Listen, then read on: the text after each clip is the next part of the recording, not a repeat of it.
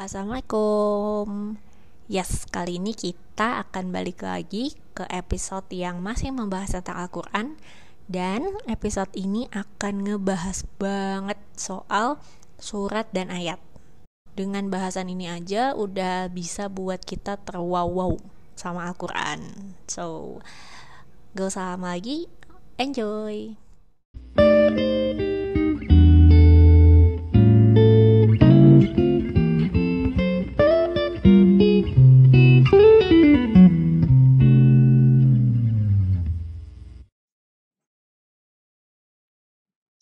jadi kali ini mau bahas tentang Quran. Nah, goals-nya sih, uh, insya Allah ke depan depannya juga akan bahas hal yang uh, serupa ya tentang Quran. Quran dan goals-nya itu maunya ada yang pertama kita itu jadi uh, sure ya, jadi yakin bahwa ya Quran itu like no other book gitu, nggak nggak bisa disamakan sama buku apa pun dan emang beda dan kita tahu bedanya apa gitu. Terus yang kedua, kita jadi tahu bahwa Quran it's not from human being gitu. Kita bakal tahu bahwa wah ini yang bikin udah pasti nggak manusia gitu. Kayak kayak ya nggak mungkin nggak mungkin aja gitu. Dan kita tahu kenapanya. Dan yang terakhir kita lihat Quran itu um, apa ya sebagai literatur dan kenapa sebagai literatur itu jadi penting gitu karena pentafsiran Quran itu yang yang yang paling proper itu ketika emang kita tafsirkan sebagai literatur gitu. Nah nanti maksudnya apa kita akan bahas ya insya Allah. Uh, yang pertama untuk approach gimana caranya kita kita tahu Quran ini tadi ya beda terus like uh, no others uh, books terus kayak bukan dari manusia. Nah, ini kuliahnya dari as usual Ustadz, Ustadz Noman dan Ustadz Noman ngebaginya itu dari kacamata mikro and makro. Kacamata mikronya uh, akan ngebahas dari ayat. Ya ayat itu apa and word and word by word gitu. Tapi enggak enggak konteks uh, word by word di Quran tapi uh, emphasizing lah. Gimana sih structure kata dan structure ayat gitu dan apa maksud ayat itu gitu. Terus juga bagaimana Quran itu terstruktur ya. Kayaknya aku nggak tahu ya, tapi aku juga termasuk salah satu orang yang to be honest with you, kayak waktu awal awal-awal kepik hijrah lah ya. Aku awal-awal baca Quran kan yang intensif gitu misalnya awal-awal mempelajari Quran dengan intens lah rasanya itu yang kita ya kita lah at least aku ya questioning kan kayak ini gimana sih nggak nyambung deh? Gitu. Saya itu apalagi baca artinya kan kayak ini apa? Kok loh loh kok udah beda ya? Gitu loh. Kok uh, ada yang sedikit di sini dan nanti sedikit di ayat lain gitu. Terus nggak ada satu ada satu cerita yang tuntas ada cerita yang pecah-pecah gitu. Terus ada yang cerita yang runut ada yang nggak runut. Pokoknya wah gitu kan. Itu buat buat kita yang yang awam pasti kayak ah ini apa? gitu. Kok kok kok gini? gitu kan. Nah itu uh, gimana Quran itu terstruktur itu tuh ada meaningnya sendiri. Nah nanti kita uh, bahas juga. Nah, dan kalau itu yang dari microsite. Nah itu yang macrosite yang lihat Quran ya lebih lah big as a bigger picture gitu Nanti gimana kalau mikro tentang ayat, makro tentang surat. Nah, gimana surat-surat di Quran itu diorganize gitu. Terus bagaimana kita akan tahu gimana Allah repeat himself di setiap surat-suratnya.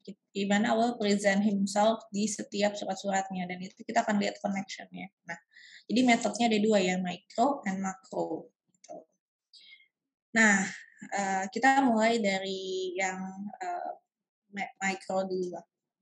Kita itu taunya Quran itu uh, ada 114 surat ya. Surat kan, mana kan surat. Kalau bahasa Inggrisnya uh, apa chapter kan. Gitu. Jadi uh, Quran itu ada chapter dan ayat itu bahasa Inggrisnya apa? Verse. Ya kan? Nah, sebenarnya apa apakah dengan penulisan chapter and verse itu benar ya? Kadang tuh Islam itu suka diserangnya tuh kayak kenapa chapternya itu enggak runut gitu. When you say this is a chapter, kenapa chapternya enggak runut? Nah, the question itself itu tuh yang salah sebenarnya. Nah, kenapa? Karena gini, kalau kita bilangnya chapter ya, kayak apa sih? Kayak novel kan. Novel itu chapter kan, atau buku non fiksi atau buku any kind of books itu emang namanya chapter bab kan gitu. Jadi kayak satu bab uh, satu bab, satu bab, satu bab. Nah, kalau kita anggap satu surat itu adalah satu bab, biasanya karakter bab itu apa? Bab satu lanjut ke bab dua. Jadi bab dua pasti lanjutannya bab satu, ya kan? Bab tiga pasti lanjutannya bab dua. Gak mungkin tiba-tiba ada bab empat yang ternyata nggak nyambung dari bab tiga. Nggak mungkin kan? Namanya chapter pasti runut beneran. Iya. Yeah. Kronological kan dia kronologis gitu bahasanya. Nah, nah masalahnya kalau kita baca Quran, kalau kita cuma baca satu surat doang, bisa nggak? Dan apakah surat al, uh, misalnya gini, surat Ali Imran deh surat ketiga, apakah surat Ali Imran itu lanjutan dari Al-Baqarah? Iya. Iya kan? Beda. Nah, jangankan lanjutannya Al-Baqarah aja umum ke mana-mana suratnya gitu kan. Boro-boro dibilang lanjutan gitu. Boro-boro dibilang kronologikal gitu. Jadi um, apa ya the way Allah mengatur Quran ini gitu as a chapter ya it doesn't feel like the chapter that we know kan. Nah, artinya apa? Allah itu punya standar sendiri gitu. Allah itu punya standarnya sendiri dan segitu unfairnya ketika kita bilang bahwa Quran itu punya chapter gitu. Itu nggak nggak bisa nggak bisa di, dibilang kayak gitu gitu. Jadi nggak fair gitu karena ya tadi semua karakteristiknya chapter nggak ada yang masuk ke Quran gitu. Quran itu punya standarnya sendiri yang nggak bisa di compare. Gitu. Allah itu udah set standarnya Allah yang nggak ada di standarnya manusia. Kita kalau bikin buku, struktur Quran, lah gimana orang mau baca, coba yang ada pusing kan, gitu. Nggak bisa. Tapi kalau Quran yang dibikin, itu kayak powerful jadinya. Nah, itu emang standarnya tuh beda banget. Itu yang pertama ya. Dan chapter itu pun kan ada namanya ya. Kalau buku, bab itu, nama bab pasti menggambarkan isi bab itu. Nggak usah buku deh kayak karya ilmiah chapter introduction gitu. Nggak mungkin kan ada conclusion di situ gitu. Sama yang nama ya, chapter chapter lain pun kayak gitu. Nama pasti jelasin di dalam. Lah ini coba sapi betina. Di dalamnya emang segitu banyaknya surat isinya sapi. Enggak kan? Nah maksudnya kayak terus gimana apa maksudnya gitu ya again again ini standarnya Allah. Itu dulu yang pertama ya, ini standarnya Allah gitu. Kalau nggak masuk ke nalar kita sekarang, justru bagus. That's why Allah has its own standard. Itu kita yang harus cari tahu kenapa standarnya Allah itu maksudnya begini gitu. Dan itu yang itu yang menjadi apa ya pelajaran kita memahami Quran nggak akan pernah habis karena untuk nyari connection between ayat, nyari connection between surat, nyari connection dari antar ayat beda surat, itu tuh nggak akan pernah selesai sampai ayat-ayat gitu. Dan setiap kita belajar, tadi again ya, kita find something new, something new. Oke. Okay. That's a small part about uh, chapter atau surat. And then let's move ke ayat. Nah, ayat lebih kocak lagi. Nah, Kenapa? Di bahasa Inggris istilahnya verse kan. Nah, verse itu apa sih yang kita langsung connect atau associate sama verse? Misalnya teman-teman dengan kata uh, verse itu apa? Nyanyi kan? Atau poetry. Apa sih poetry itu? Puisi. Nah, puisi. Puisi kan? Atau ya ya nyanyian gitu. Itu Padahal udah jelas-jelas banget di Quran aja dibilang kita tidak mengajarkan uh, poetry gitu loh. Di, udah di state kayak gitu. Nah, nah di sini malah uh, dibikin verse. Nah, terus kalau verse ini adalah karakteristiknya Bible sebenarnya gitu. Nah, jadi uh, makanya kayak um, apa ya kayak ada sedikit inilah um, ya ketidaknyamanan lah ya ketika orang menganalogikan verse-nya Bible itu sama sama kontekstualnya kayak verse-nya uh, Quran gitu. Padahal enggak gitu. Ayat itu nanti aku akan jelasin detail sekeren apa makna ayat dan kenapa words-nya itu mesti ayat gitu. Kalau teman-teman memaknai ayat apa? Memaknai ayat apa ayat itu apa kalau ada yang nanya? Mama ayat itu apa? Ini satu perintah dalam bentuk kalimat. Nggak kalimat sih beberapa ada yang beberapa kalimat. Perintah satu perintah dari Allah gitu buat kita. Satu ayat tuh artinya satu perintah. Mm -mm. oke. Okay. oke. Okay. uh, Alif perintah Ella Upi apa? Bagian terkecil dari satu Al-Quran gitu, bagian terdetail dari bagian satu Al-Quran gitu. Bagian terkecil dari satu Al-Quran. Tapi artinya apa? Satu. Ya? Yang bagian terkecil itu apa? Hmm, apa? Satu statement gitu loh kak, satu statement. Bisa... Kan kalau bagian terkecil kan mungkin huruf ya. Tapi ini tuh kayak satu statement yang detail ya, gitu. Yang bisa diinterpretasikan gak sih? Kan kalau misalkan satu satu surah itu bisa macam-macam temanya. Kalau satu ayat itu bisa kita telaah lebih detail gitu kak. Hmm. Jadi kayak part part paling bisa di otak atik gitu. Eh paling bisa dipelajari gitu. Kalau Ella message, aku ganti message pesan. Satu ayat berarti satu pesan. Not really. Enggak juga sih. Gitu. susah kalau satu.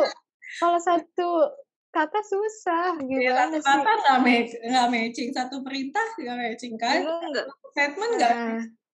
Apa ayat itu gitu? Satu kalimat lebih ngaco gitu. Nah, oke. Okay. Oh, apa Kita bahas at least kita tahu ya. Kita tahu kita tahu kenapa kita lost words to describe that gitu ya.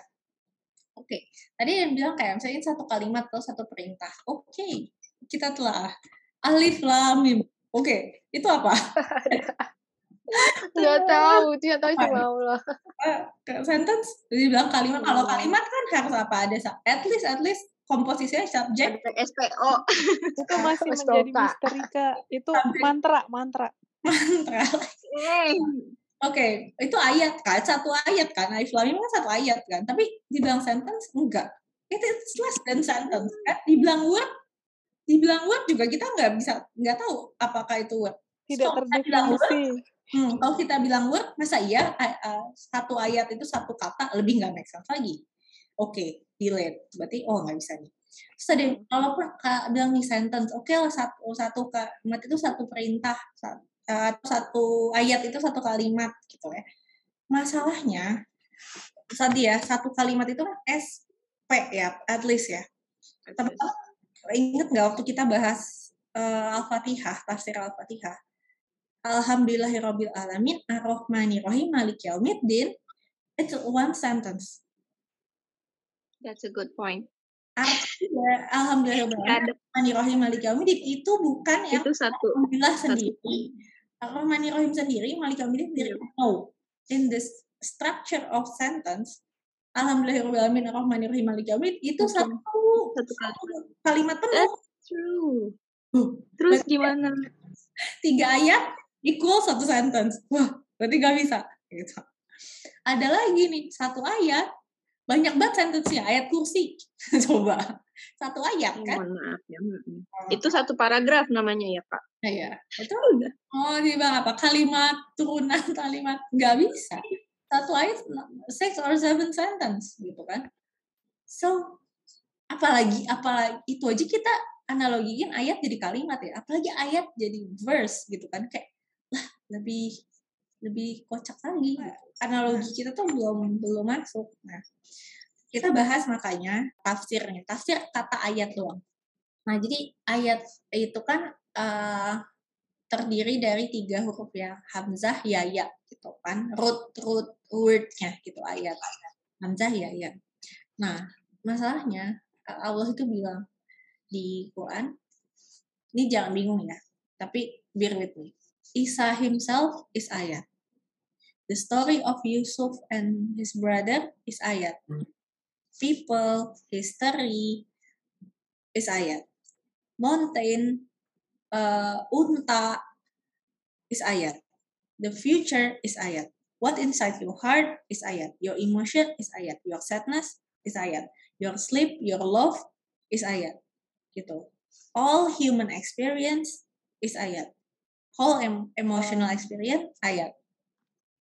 Everything in, in universe ayat. Itu Allah describe ayat. Berarti apa sebenarnya ayat itu? Jadi any kind of reality, experience, existence, what inside your heart is ayat. Jadi kebayang nggak? Ayat itu bukan bukan terbatas dari struktur, tapi terbatas dari meaning. Bisa follow gak? Nah, dari katanya tadi, ada pertama penjelasannya. Ayat itu apa? Jadi gini, teman-teman kalau misalnya nih lagi traveling, katakanlah lagi camping kan, uh, besoknya mau pulang gitu. Yang teman-teman bawa pasti barang-barang yang valuable aja kan gitu ya ya tendanya ya ini ya tapi kayak kayu bakarnya atau sisa-sisa um, ke apa makan minumnya tentu teman-teman nggak bawa bener nggak? Yang teman-teman bawa yang valuable aja. Betul nggak? Betul. Ya betul. Atau valuable valuable dalam konteks traveler tadi? Ya ini konteksnya persis ya konteksnya persis. Seorang traveler yang yang stay dalam satu malam terus besoknya dia pergi dan maka dia akan meninggalkan semuanya kecuali ayat nah gila ya bahasa Arab ya. Ayat saya panjang banget. Ketika seorang traveler harus pergi terus habis itu dia meninggalkan semua kecuali yang valuable. That valuable things it's called ayat itu valuable context. Itu satu. Jadi kenapa tadi dibilang kayak Isa itu ayat, uh, bukan berarti hal yang bagus-bagus aja ya, kayak uh, dan dari Yusuf juga dibilangnya ayat gitu. What what's your emotion inside your heart itu kan semuanya positif negatif itu semuanya ayat. Jadi karena semua itu adalah valuable things for us to learn. Jadi kayak every problem yang ada di Quran, every challenge yang ada di Quran, every um, how can I say, every things, uh, hal-hal, every stuff, bahkan night and day, semuanya ada valuable things. Your good emotion, your sadness, it's a valuable thing. Itu maknanya ayat. Itu maknanya. Ketika Allah bilang, malammu, siangmu, malam kita dan siang kita itu hal yang valuable. Allah bilang kayak kesedihanmu gitu, kemenderitaan, cobaan kita itu valuable things. Jadi semua yang ada di Quran, semua yang dalam konteks ayat adalah semua yang valuable buat kita. Itu konteks yang pertama ya. Ayat itu adalah valuable konteks. Yang kedua, ayat dari uh, root katanya itu artinya questions. Artinya apa? Ayat ini, the purpose of ayat to make you curious. Buat bikin kita semua tuh questioning. Buat bikin kita mau tahu. Buat bikin kita kepo. Buat bikin kita penasaran. Bertanya terusnya kenapa, kenapa, kenapa kayak gini, oh begini gitu. Buat kita curious. Dan emang iya ya, kan Quran itu bikin curious ya kalau makin dibaca. Nah, itu yang kedua. Yang ketiga, ayat ini artinya points to direction. Artinya apa? Ayat ini itu uh, mengacu ke satu arah. Itu arti arti tadi ya tafsir bahasanya ya. Maksudnya mengarah ini mengarah apa? Mengarah ke Allah. Jadi setiapnya Allah Ah, setiap ayatnya Allah, apa pun itu ayatnya, bahasan apa pun uh, di ayat-ayat Allah, semuanya selalu membuat kita untuk berjalan ke directionnya ke Allah. Itu yang ketiga. Terus keempat nih masih banyak ya nanti kita satuin gitu satu semua. Uh, maze artinya tafsirnya artinya apa ayat-ayat ini adalah sesuatu yang bikin kita amazed yang bikin kita wow gitu karakter ayat adalah yaitu tadi bikin kita itu wow banget terus yang kelima. Call. Artinya ayat. Artinya apa? Setiap ayat itu tuh calling us gitu. Asking us to pay attention to them. Jadi setiap ayat itu sebenarnya adalah sesuatu yang yang memanggil kita yang ingin kita untuk menaruh perhatian ke situ. Itu ayat. Dan ayat itu juga artinya kayak gini. Apa ya kayak hmm, certainty lah certainty. Apa sih certainty itu? Yakin gitu. Dan uh, kan kalau iya yes sebenarnya yes yes. Iya iya ayah gitu. Iya ayah. Nah, itu kan turun turunannya kayak gitu ya. Tahu nggak? Kan kalau bahasa Arabnya iya itu apa? Naam kan? Kalau kita biasanya naam naam naam. Tapi kalau ayat kalimatnya uh, ianya ayat ayat ini dari turunan rootnya dia itu bedanya sama naam kalau ayat ini absolutely certain. Sangat, sangat, sangat, sangat, sangat absolut yakin. Nah, jadi ayat ini tuh adalah sesuatu yang seharusnya kan convince us gitu loh. Bikin kita itu yakin sama itu. Tuh, tuh karakter ayat. dua terakhir, ayat itu artinya meaning gitu. Jadi ayat itu memberi meaning to himself gitu. Dan yang terakhir assign, tanda. Nah, coba apa aja tadi? Pertama, valuable. Kedua, questions, bikin kita curious. Ketiga, points to direction, selalu mengarah ke Allah. Keempat, bikin kita amazed. Ayat itu ada something yang make us amazed. Terus, something that calling us.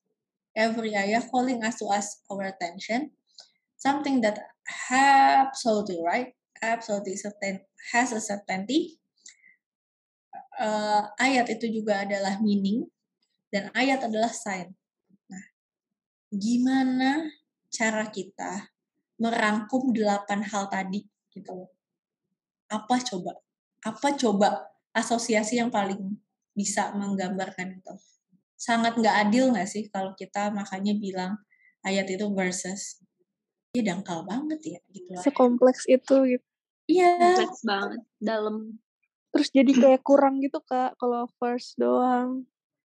Makanya betul, betul. Tidak mewakili. iya, tidak mewakili. Tidak mewakili dan ada nggak rasanya kata di di dunia ini? Yang bisa yang bisa mendeskripsikan arti dari yeah. first. Sepowerful itu Allah memilih kata. Uh, keren banget. Makanya apa iya ini dibikin manusia kan? Semakin tidak mungkin ya rasanya.